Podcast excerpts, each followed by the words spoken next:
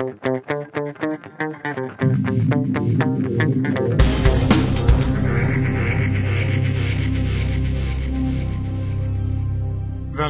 till ljudboksversionen av Grip till varje pris av mig, Kolbjörn Guvallius, utgiven på Verbal förlag. Andra delen. På bokbloggen griptillvarjepris.se finns en sida för varje avsnitt av podcasten som innehåller bildmaterial ur den tryckta boken. Källhänvisningar hittar du i den tryckta boken och i e-boksutgåvan. Intervjusvar och eh, annan citerad text i boken läses av Lars Winclair.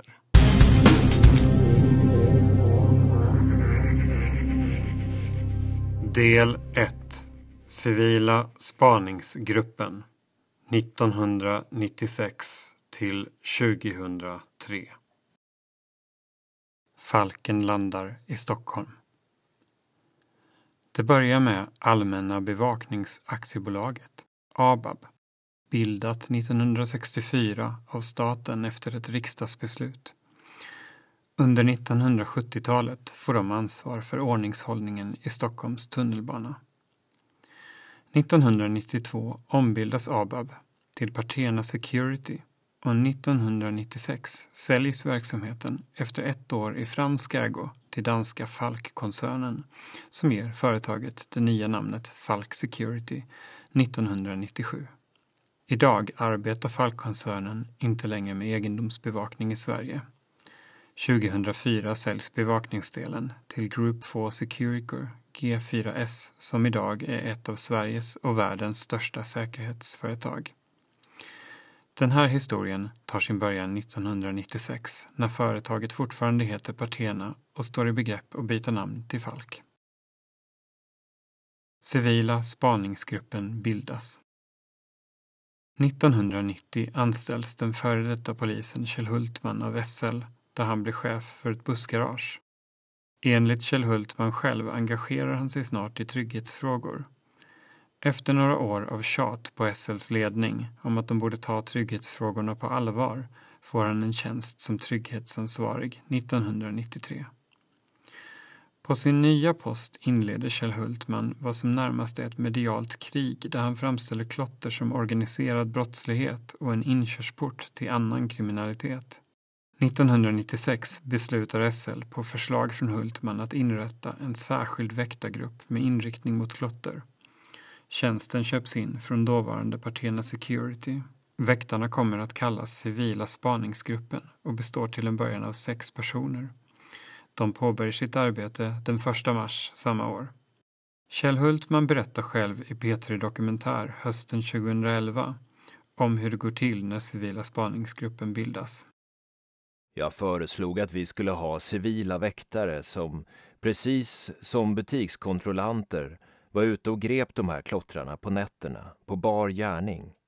Och då visade det sig att Falk hade en grupp väktare som hade jobbat mot interna stölder. De berättade om sitt sätt att arbeta och så vidare. De andra väktarbolagen som vi mötte, de var väl bra på mycket men de kunde mest låsa dörrar och stänga fönster. Vilket är liksom en väktares vanliga jobb. Så jag drog hela den här lösningen för SLs ledning och SLs styrelse om att jag tillsammans med väktarbolaget skulle köpa in den här tjänsten på prov i sex månader. Kjell Hultman är mycket dedikerad i kampen mot klottret. Han arbetar omvittnat hårt och har till exempel flera möten med Falkanställda utanför kontorstid. Ofta på sitt stamställe Morsans krog i närheten av bostaden där han blir bjuden av Falk. Till en början är det få som känner till att gruppen finns. De arbetar civilt på SLs uttryckliga begäran men utan dispens från det uniformskrav som gäller för väktare. Därför bryter upplägget från start mot reglerna för bevakningsföretag. I princip möter de dock bara poliser och graffitimålare och faller därför långt under mediernas och den granskande myndighetens, Länsstyrelsens, radar. De inblandade vet antingen inte vad som gäller eller så bryr de sig inte. Eller så lyssnar ingen på deras kritik. Gruppen på sex väktare leds av två personer.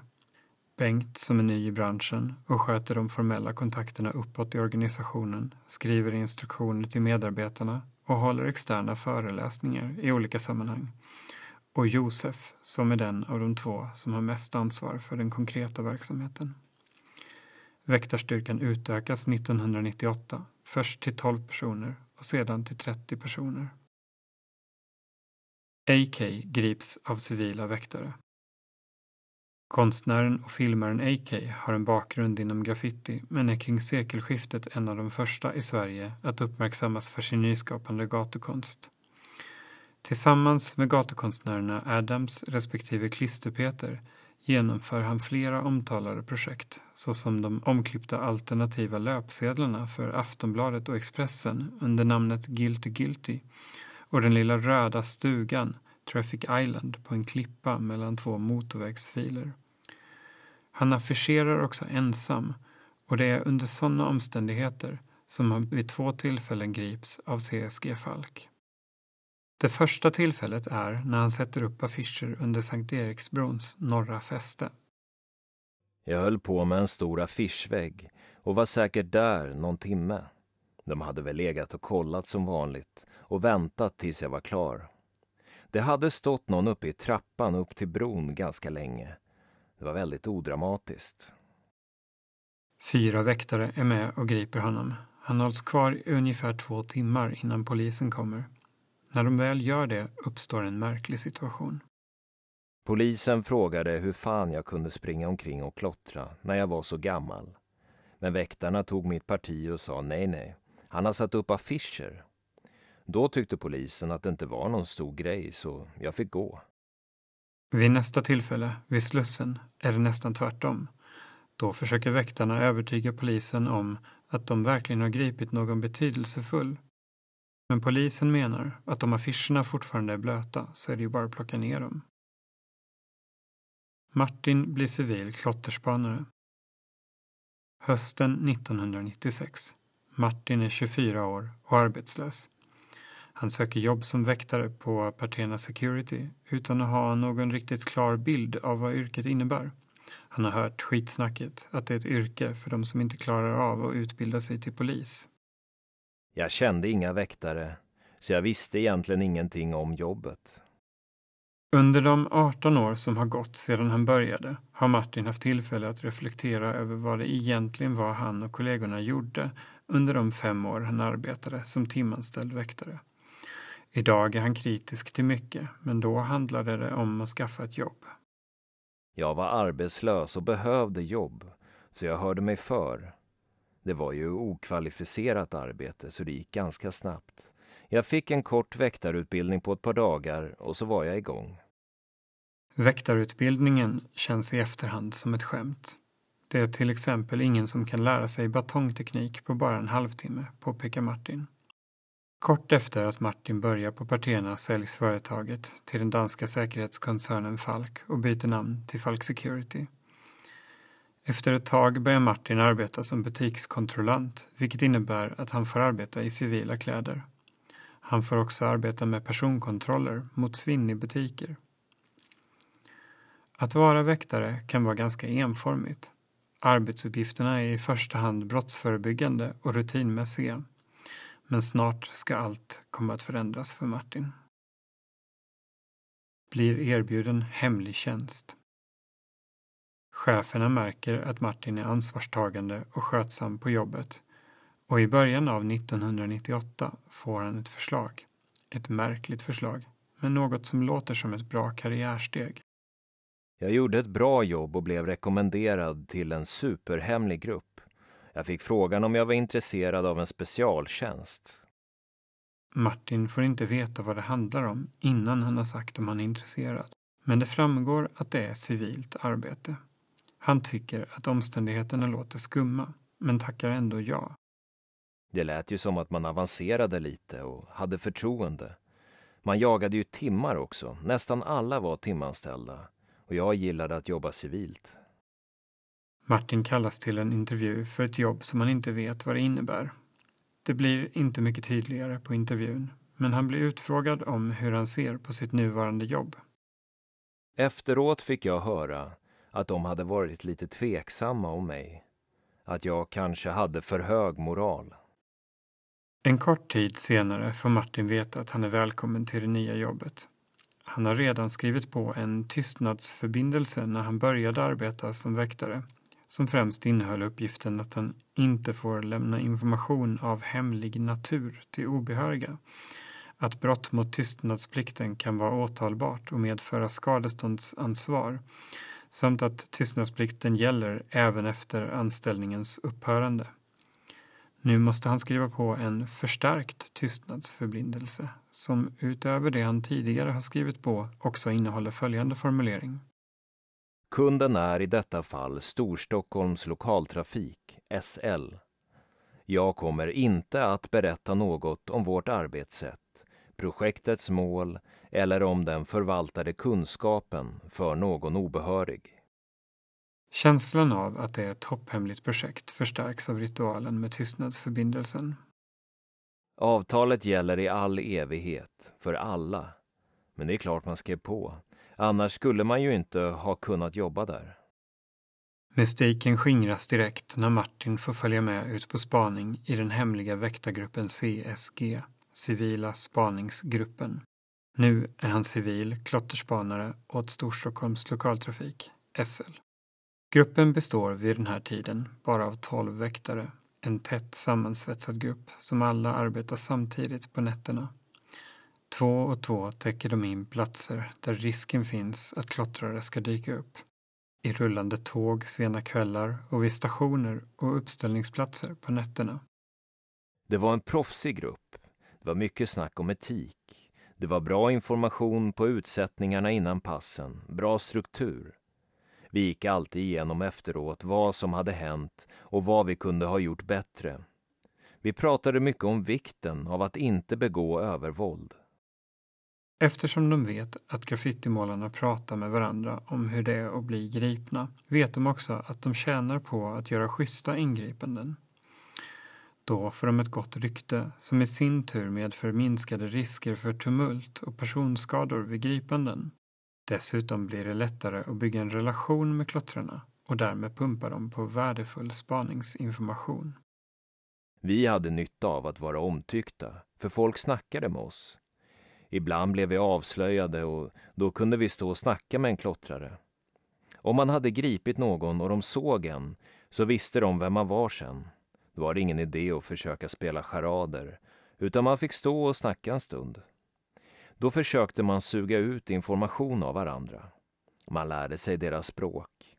Många fattade inte hur mycket vi lärde oss på det där. Vilka som umgicks med vilka, hur man rörde sig och hur man tänkte. Ibland kan det ta lång tid innan polisen kommer, upp till ett par timmar. Då hinner mycket sägas.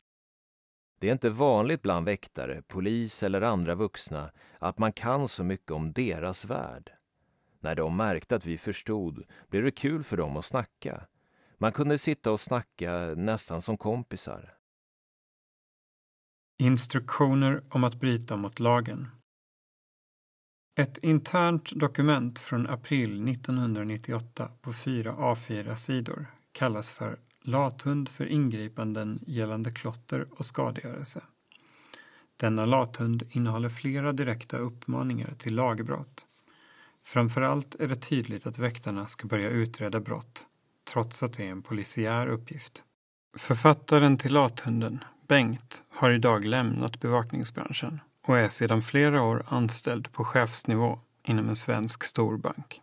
Förutom rent uppenbara instruktioner om att det finns risk för att de gripna försöker smita samt beskrivningar av några olika varianter av skadegörelsebrott handlar dokumentet om hur man bäst kan ta reda på så mycket fakta som möjligt. Väktaren uppmanas att ta reda på tag och crew, att kontrollera om personerna har med sig brottsverktyg av olika slag eller skisser. Väktaren ska också ta kameror och film i beslag, kontrollera kläder och händer efter färgstänk. Dessutom ska personens eventuella adressbok gås igenom. Om man finner en almanacka eller någon slags adressbok så kan man leta efter kompisar till den gripna klottraren. De förekommer ofta med sitt namn, tag samt telefonnummer. Ibland kan det också stå vem man kan ringa om en CC-nyckel, huvudnyckel till SL. Nätter med spaningsgruppen. I början jobbar Martin bara natt, 12 timmars pass mellan 18 och 06. Vid utsättningen kan han ibland bli tilldelad att bevaka någon hiphopfest. Det kunde handla om att snappa upp folk som är på väg därifrån på fyllan. Om de ser människor som går in på en fest med fulla ryggsäckar så håller de koll på dem. De utgår från att det antingen är ölburkar eller sprayburkar i ryggsäckarna. Om ryggsäckarna är lika fulla när de går därifrån klockan ett och de tar sista pendeltåget ut mot en uppställningsplats är det rimligt att anta att det finns sprayburkar i ryggsäckarna. Då följer de efter. Då var det ganska sannolikt att de skulle ut till ändhållplatsen och måla tåg. Det var värt att hänga på i alla fall. Andra nätter sätts de att bevaka tunnelbanestationer eller åka med tågen tills tunnelbanan stänger. De flesta kvällarna har de förtroendet att välja fritt och gissa sig fram till vad som är rimligast att göra under natten. Hade vi ingen att följa efter eller en specialorder hade vi ganska fria händer. Det var en gissningslek. Vi åkte runt och kollade om det hade kommit upp nya målningar och medan vi gjorde det så kunde vi ibland träffa på några som verkade intressanta. Då hängde vi efter dem ett tag för att kolla vad de gjorde. När Martin och hans kollegor ser intressanta personer var som helst kan de börja följa efter dem. De kan vara kända sedan tidigare eller bara ha rätt kläder och ryggsäckar. Väktarna kan ta lång tid på sig och följa efter personer över hela Stockholm. Någon begränsning till SLs område finns inte. De kartlägger vad personerna gör, vart de rör sig och vilka de träffar. Träffade de någon tjej eller gick in i en lägenhet kunde vi ofta släppa dem. Men träffade de flera med fulla ryggsäckar kunde vi kalla dit kollegor som hjälpte till att följa efter.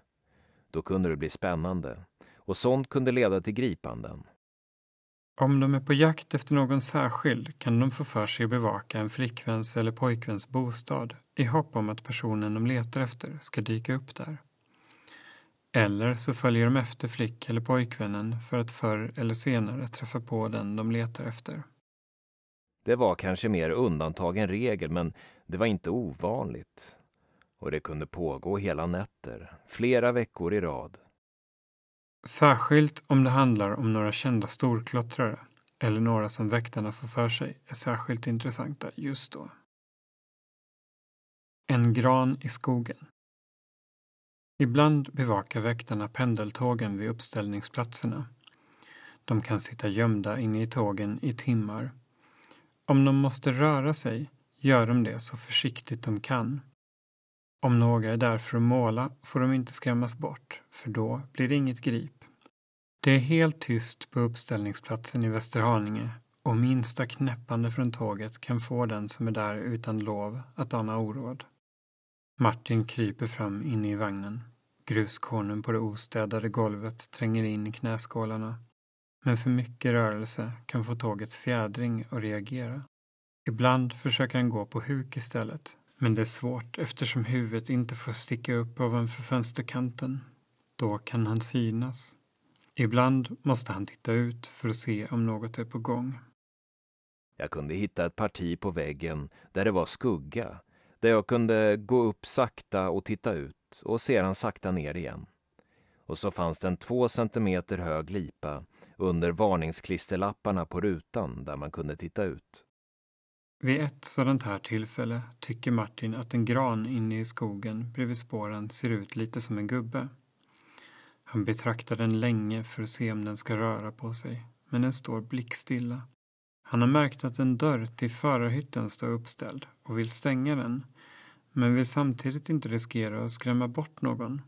Till slut bestämmer Martin och hans kollega sig för att trots allt stänga dörren.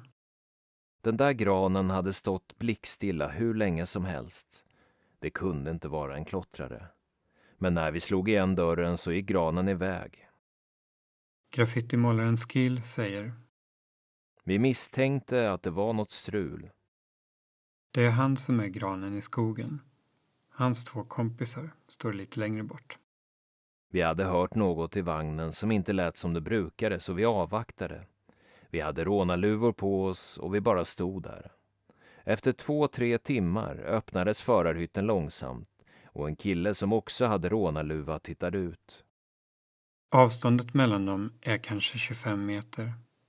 Skill vänder och försvinner in i skogen med sina kompisar. Plötsligt kryllar det av väktare och de tvingas gömma sig. Men de blir aldrig upptäckta. Vänta med att ingripa. Civila spaningsgruppen har uttryckliga order om att inte ingripa mot pågående skadegörelse och ska heller inte försöka avstyra några brott. Syftet med gruppen är att gripa, inte att förebygga. Väktaren Martin säger När man väl sätter dit dem är det bättre att trycka dit dem ordentligt. Att ta någon för en tag när de har 30 färgburkar och ska måla ner en hel vägg är bara dumt.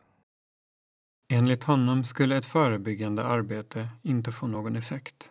Det är ingen som låter bli att måla igen för att den har fått avbryta eller i värsta fall har bötat 500 kronor för en tag på en papperskorg. Bättre då att få till höga skadestånd. Det blir avskräckande både för den enskilde och för andra. Men det är också en fråga om säkerhetsaspekter att inte ingripa. Det är lättare att gripa när allt är färdigt och klottrarna tror att allt är lugnt än att springa fram och skrika till någon som står och målar med hög puls och kanske kasta ner personen på marken. Det kan lätt bli våldsamt. De vet inte vem man är. De hör inte att man skriker väktare. Och om de hör det vet de inte om det stämmer. De vet inte om de ska få stryk eller om man är reko. Har de hört att väktare som griper klottrare brukar spöa skiten ur dem har de kanske plockat på sig en kniv också. Då kanske de använder den när de blir rädda. Istället låter väktarna dem måla färdigt och samla ihop sina grejer i lugn och ro, packa ner allting och gå från platsen. Sedan, när de kanske sitter och väntar på bussen, kommer en civilklädd väktare fram och börjar snacka som vem som helst. Då sprang de inte ens, så det blev ingen farlig jakt bland bilar eller något. Och så sa man ”Tjena, läget? Schysst målning där borta”. Och så tog man fram lägget och sa ”Du är gripen”. De fattade inte att man hade sett dem, så de nekade istället och gick med på att vänta på polisen. Ibland kan väktarna vänta med att ringa polisen efter ett gripande. Några gånger är det rimligt att vänta tills allt har lugnat ner sig. Andra gånger handlar det om andra saker.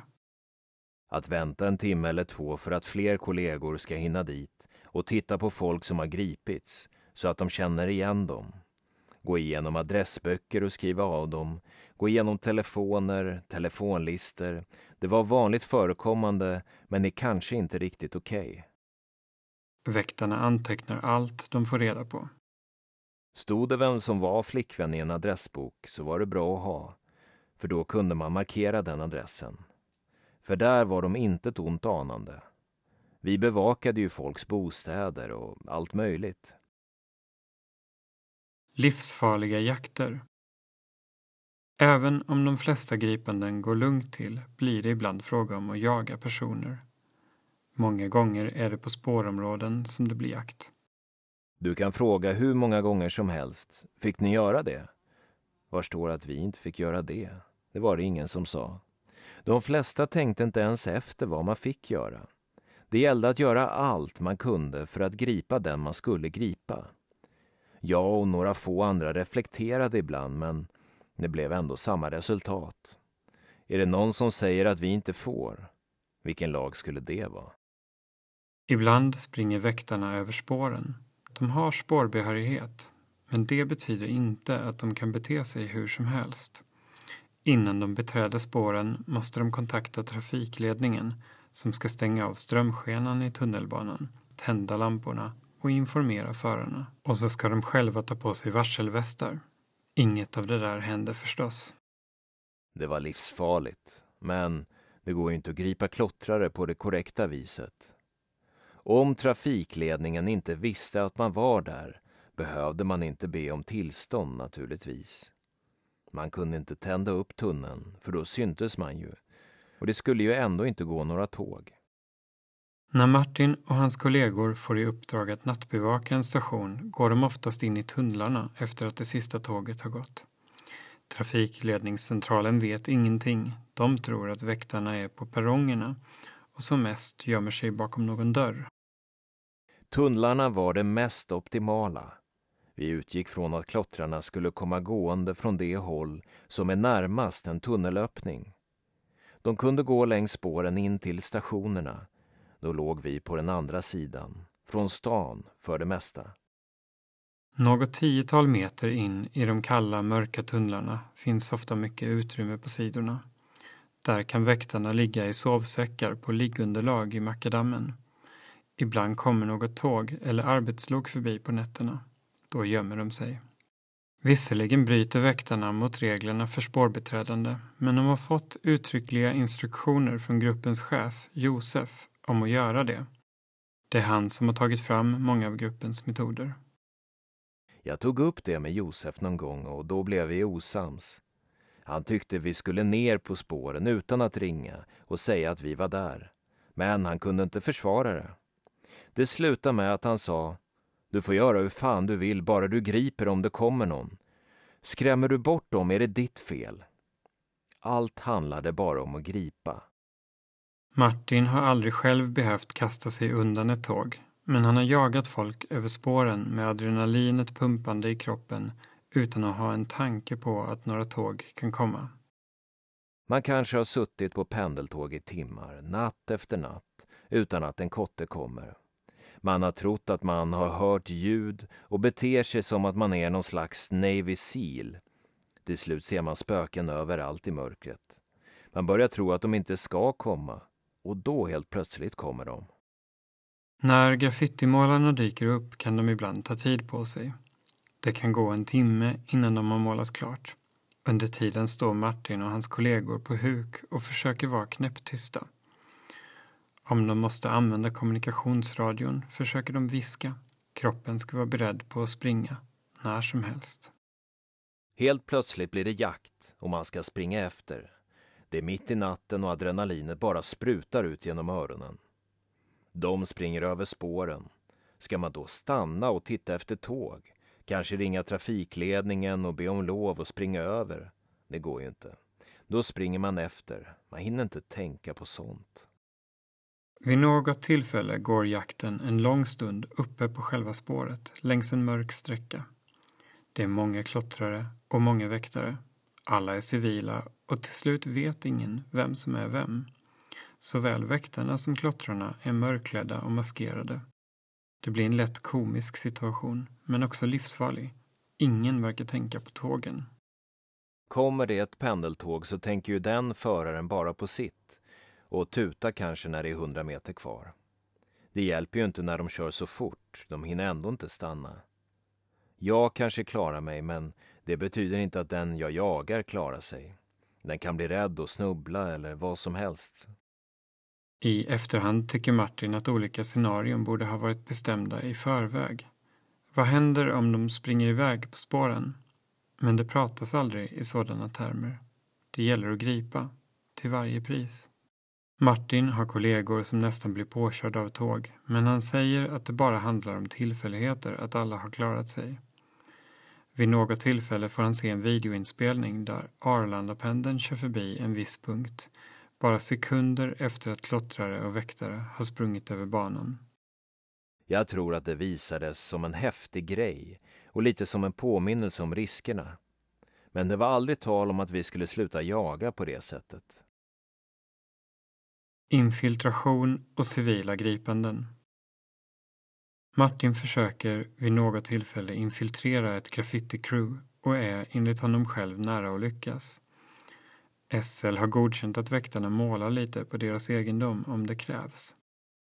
Enligt Bengt hade vi SLs godkännande, men jag vet inte om det stämmer. Om det krävdes att man slog sönder en fönsterruta eller drog en tag för att inte avslöja sig så fick man göra det. I efterhand har Martin funderat på vad som skulle ha hänt om de hade blivit gripna för skadegörelse. Han hade fått höra att SL skulle ha stått för skadeståndet och hade gått med på den förklaringen. Men vad hade hänt om någon hade blivit dömd? Det hade inte hjälpt mig om SL hade betalat skadeståndet. Det värsta hade ju varit att jag inte hade kunnat jobba som väktare om jag var dömd för skadegörelse. Att närma sig graffitimålarna var dock oftast mindre dramatiskt än så. Det kunde räcka med att gå fram och snacka med folk i en park eller öppna en folköl på tunnelbanan och skåla. Vid några tillfällen lyckas han gripa personer som klottrar när han själv sitter med och ser på. Jag kunde vara ganska innovativ. En gång klädde jag mig till och med i kostym och fick fast några storklottrare som klottrade mitt framför näsan på mig på perrongen. Martin får i uppdrag av Josef att försöka infiltrera en medlemsklubb som en graffitibutik i Stockholm driver. Det går bara att bli medlem efter rekommendation och han börjar därför hänga i butiken och snacka med ägaren. Jag målade skal till mobiltelefoner med sprayfärg och försökte få honom att sälja dem. Butiken var inriktad på att sprida graffitin som konstform till design och annat. Martin upptäcker under tiden positiva sidor med butiken. Ägaren bidrar till att skapa nätverk för laglig graffiti, utställningar och möjligheter för graffitimålare att sälja sin konst. Men Josef vill bara se negativa aspekter av det Martin rapporterar. Plötsligt gör polisen en oväntad husrannsakan i butiken. Räddningstjänsten gör en brandtillsyn. Martin tror att det kan finnas ett samband med CSG Falks bevakning. Han säger att de och SL vid den här tiden gör allt de kan för att störa butikens verksamhet. Maskerade väktare Oftast är Martin och hans kollegor maskerade när de griper. Syftet är att inte bli igenkända av målarna. Regeln är att minst en person ska visa ansiktet och stå för själva gripandet. Resten kan vara maskerade. När klottrarna ska överlämnas till polisen är det ingen som reagerar på de maskerade väktarna, trots att de gripna ibland protesterar. Vid eh, ett tillfälle tar en polis fel på Martin och en klottrare. De har gripit några personer vid Älvsjödepån och allt är lugnt när polisen kommer till platsen. Det står en väktare vid varje gripen person när en polis kommer fram till Martin och sliter av honom mössa och halsduk och börjar skälla ut honom. Martin tror att polisen är arg för att han är maskerad och börjar rodna. Det är ju inte väktarmässigt att stå så där. Att visa väktarlägg och sen bara visa ögonen är absurt. Men vi gjorde det. Då lägger sig Martins kollega i och påpekar för polisen att Martin är väktare. Kollegan har förstått att Martin blir utskälld som om han vore en klottrare som ska visa respekt för ordningsmakten. Oj, vad polisen skämdes. Då var det han som rodnade och han bad tusen gånger om ursäkt. Vi var ju i samma lag liksom, det var jättekonstigt, för jag hade ju gjort fel. Poliserna har dålig koll på vad väktarna får och inte får göra och blundar konsekvent för sådant som maskering. Det var inget uppenbart övergrepp för enskilda poliser. Vi var på samma sida och satte dit folk för brott. Men på ett djupare plan är det ett större övergrepp med tanke på rättssäkerhet och lagar.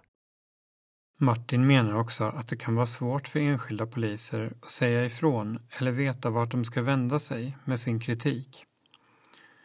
Efterhand blir maskeringen mer explicit. Till slut är det några som tycker det är roligt att köra med rånarluvor och skidmasker. Kulmen nås när en maskerad väktare griper en klottrare på en perrong mitt på dagen. Då får alla i gruppen en tillsägelse om att ha gått lite för långt.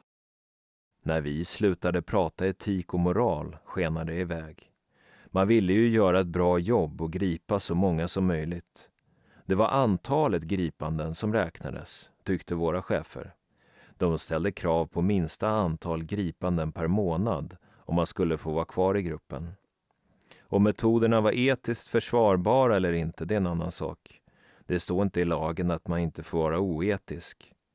Eftersom det enda som räknades var antal gripanden så jämställde man lätt det med att göra ett bra jobb. Gruppen utökas. Hösten 1998 vill SL utvidga den civila bevakningen. Gruppen utökas för att dygnets alla timmar ska kunna täckas in. Väktarna får arbeta i skift och nya personer rekryteras. Falk har precis förlorat en stor del av bevakningsuppdraget i tunnelbanan eftersom andra bolag har vunnit upphandlingarna av uniformerade ordningsvakter. De ibland mer hårdföra ordningsvakterna är heltidsanställda och flyttas därför över till civila spaningsgruppen. Martin tycker att gruppen försämras. Allt sköttes väldigt bra så länge vi var en liten grupp. Men det ändrades när vi blev fler. Det kom in folk som körde med lite hårdare tag och som ljög i rapporterna. Det blev en jättekrock. För de nya förstod inte vad det innebar att jobba civilt. De var vana att jobba förebyggande. De nya klotterväktarna vill till en början bara stå och skrämma bort klottrare. Inte vänta in att de begår brott. Martin tycker att de ser ut och rör sig som ordningsvakter. Fastän de är civila märks det vilka de är. Någon har till och med Falks promotion-ryggsäck som delats ut i julklapp. De som är gamla i gruppen är mycket noga med kläderna. Klottrarna har lärt sig att vara observanta och minsta tecken på att någon är väktare, det räcker med fel skor, kan få någon att låta bli att klottra. Det var ju inte det tjänsten gick ut på. De slutar inte klottra för att det är väktare på plats, utan de gör det när man vänder ryggen till. Gick inte att komma åt dem uniformerat. I samband med utökningen tillsätts också två administrativa tjänster. Den ena får Bengt som flyttar över från Falkhuset till CSG Falks egna lokaler. Den andra får väktaren Josef som har haft vissa administrativa uppgifter innan men nu går över från att delvis jobba på fältet till att jobba heltid på kontoret. Martin och en kollega får ta hand om nya anställda och visa dem hur arbetet går till. De civila väktarna formaliseras. I samband med att gruppen utökas ansöker Falk Security i oktober 1998 om att få Länsstyrelsens godkännande för att arbeta i civila kläder. Tidigare har verksamheten varit regelvidrig och ansökan är därför minst sagt märkligt utformad. Falk erkänner nämligen de faktiska omständigheterna samtidigt som de begär ett undantag. Ansökan hade i sig kunnat utgöra grund för ett tillsynsärende mot Falk Security. Falk Security AB har sedan 1996 uppdrag av SL Tunnelbanan AB att med civila väktare bekämpa klotter och annan skadegörelse på egendom som ägs av Storstockholms lokaltrafik, SL. En förutsättning för att arbetet ska kunna bedrivas effektivt är att väktarna är civila. Uniformen skulle vara ett hinder på samma sätt som den är för väktare som utför butikskontroll. Nuvarande bestämmelser som reglerar bevakningsföretagens verksamhet medger inte att civila väktare får användas för rubricerade uppgifter. Falk Security AB vill därför ha dispens att få utföra denna form av bevakning med civila väktare. Ansökan tillstår alltså att eh, Falk Security bryter mot nuvarande bestämmelser. Dessutom informerar företaget om att stora delar av rättsapparaten känner till hur de jobbar. Ändå har ingen reagerat och anmält brottet. De civila väktarna har haft stora framgångar och deras arbete har rönt stort intresse såväl bland polisen i Stockholms län åklagare som företrädare för kommuner och landstinget. Företrädare för den civila gruppen har hållit ett flertal föredrag för dessa om graffitikulturen, det organiserade klottrandet, skadegörelsen och det arbetssätt som används för att bekämpa denna brottslighet, som av många bedömare anses leda till grövre brottslighet. Falk Security ansöker om en generell dispens så att de ska kunna ta liknande uppdrag för andra kunder än SL. Länsstyrelsen meddelar dispens för den tidigare regelvidriga bevakningen i december 1998. Remissinstanser är Polismyndigheten i Stockholms län samt Rikspolisstyrelsen. Den förra hävdar ett redan gott samarbete som den gärna vill ska fortsätta medan den senare kräver en tidsbegränsning och en begränsning till SLs område. Så blir också beslutet. Dispens meddelas för en period av två år. Länsstyrelsen går helt efter Falks motivering till varför civila väktare behövs, trots att det innebär ett brott mot reglerna. Falks hemliga spaningsregister något CSG Falk talar mindre högt om är att de också för ett omfattande personregister över klottrare i hemliga permar. Vid gripanden skrivs så kallade skadegörelserapporter som kan innehålla en mängd personuppgifter trots att väktare inte får samla in sådan information. Här finns plats för foto och rader för alla möjliga personuppgifter, personnummer, namn, adress och telefon men också uppgifter om arbetsgivare eller skola, typ av ID-kort och vilken tagg personen skrivit. Det finns till och med kryssrutor för om personen har erkänt brottet, för om det finns foto på den misstänkta och för om det finns foto på skadegörelsen. Något som belägger systematiken i förhören och fotograferandet. Också unga människor registreras en rapport innehåller ett tydligt foto, fullständiga personuppgifter, adress, tagg, namn på skola för en pojke som nyligen har fyllt 15 år. Fotot är taget i någon form av avskilt rum i anslutning till tunnelbanan. Vi kunde fota gripna 14-åringar inne i ett förhörsrum vid en station innan polisen kom. Vi talade inte om vad vi skulle ha det till och de visste inte vilka vi var, förutom att vi var väktare på Falk Security. I väntan på polis frågar väktarna ut de gripna om namn, adress och allt möjligt. Väktarkollegor kommer förbi bara för att ta en titt och lägga deras utseende på minnet.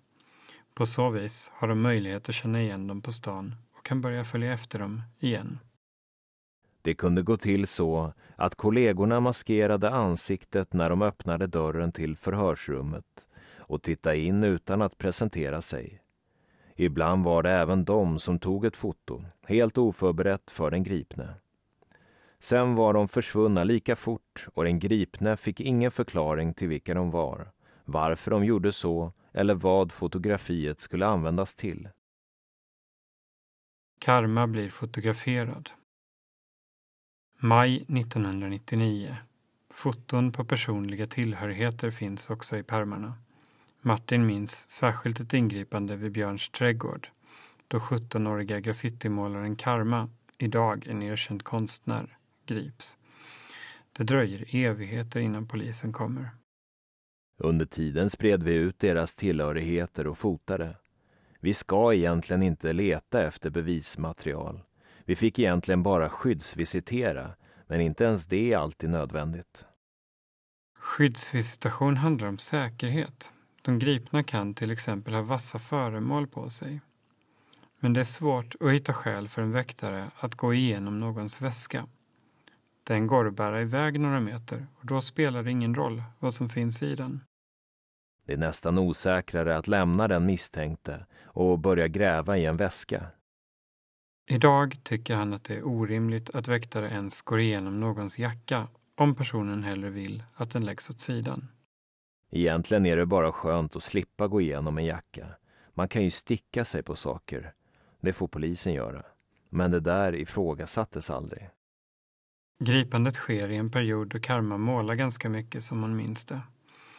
Hon har varit hemma hos en kompis tidigare på kvällen och har skissbok och pennor med sig. Varken hon eller hennes vänner vet att Martin har följt efter dem en längre sträcka i väntan på sina kollegor. Så här berättar hon. På vägen hem gick vi förbi Björns trädgård. De hade precis byggt om utemiljön och vi var framme och tittade på en ny slät betongvägg. Vi stod och larvade oss inför varandra och låtsasmålade med ölburkar, drog taggar i luften. Plötsligt kommer ett gäng unga killar framrusande. De är svartklädda och har uppdragna luvor och är maskerade med snusnäsdukar för ansiktet. Karma och hennes kompisar pressas upp mot väggen och får höra att de är gripna. Stämningen är aggressiv och hotfull, berättar hon. De var sjukt macho och skrek att vi skulle sära på benen så att de kunde visitera oss. Det var obehagligt, jag blev rädd. Jag blir fortfarande förbannad när jag tänker på det. Jag har alltid haft svårt för auktoriteter. Det finns inget jag hatar så mycket som att en människa kan sätta sig över en annan och göra vad de vill bara för att de har en viss yrkesmässig befogenhet. Karma berättar att hon inte har blivit gripen av CSG Falk tidigare. Men hon har hört ryktena om väktare med konstiga metoder. Nu får hon själv sitta vid en mur och vänta på polisen medan de går igenom och fotograferar hennes tillhörigheter, fotograferar henne och talar nedlåtande till henne. Det var mycket snack om att sådana som vi aldrig kommer att få något jobb och liknande. Efter det här tillfället börjar hon uppmärksamma de civila väktarna. De klär sig ofta likadant som graffitimålarna, skvätter till och med färg på kläder och skor för att smälta in. De hänger i tunnelbanan på kvällarna. Det märks att de tycker att de har ett roligt jobb, säger hon. En tid senare målar Karma längs med tunnelbanans gröna linje, men blir påkommen. Hon blir jagad av civila väktare, men eftersom hon också tillhör den absoluta Sverige-eliten inom ung friidrott är hon vältränad och springer ifrån dem. Jag sprang in i ett bostadsområde och råkade dyka rakt in i ett buskage. Så jag kurade ihop mig och låg där som en liten hare och vågade knappt andas medan de var framme och rotade och lyste med ficklampor bland buskarna. När Karma idag tänker tillbaka på sina möten med de civila väktarna kan hon le åt minnet. Det är en del av hennes tonårstid som trots allt mest var rolig. Men hon tycker att samhället brast i sin tillsyn och hon menar att hennes egna möten med väktare och poliser har gjort att hon inte kan känna sig trygg med eller ha förtroende för dem. Jag förstår att jag hamnade där jag hamnade. Det är en risk jag tog och det står jag för. Men det är inte bra när ett vaktbolag som arbetar åt SL kan husera fritt utan att det finns någon instans som har koll på det. Det är en annan sak med polisen. De har gått en lång utbildning och man vet vad de har för befogenheter och skyldigheter. Även om det finns dåliga poliser finns det någon typ av transparens. Det här andra är mer att leka polis.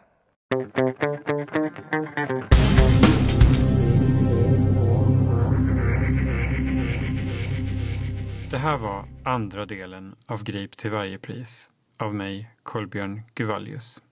Lyssna igen nästa onsdag för att höra fortsättningen. Intervjusvar och annan citerad text i boken lästes av Lars Winclair. På bokbloggen griptillvarjepris.se finns en sida för varje avsnitt av podcasten som innehåller bildmaterial ur den tryckta boken. Källhänvisningar hittar du i den tryckta boken och i e-boksutgåvan. Tack för att du lyssnade.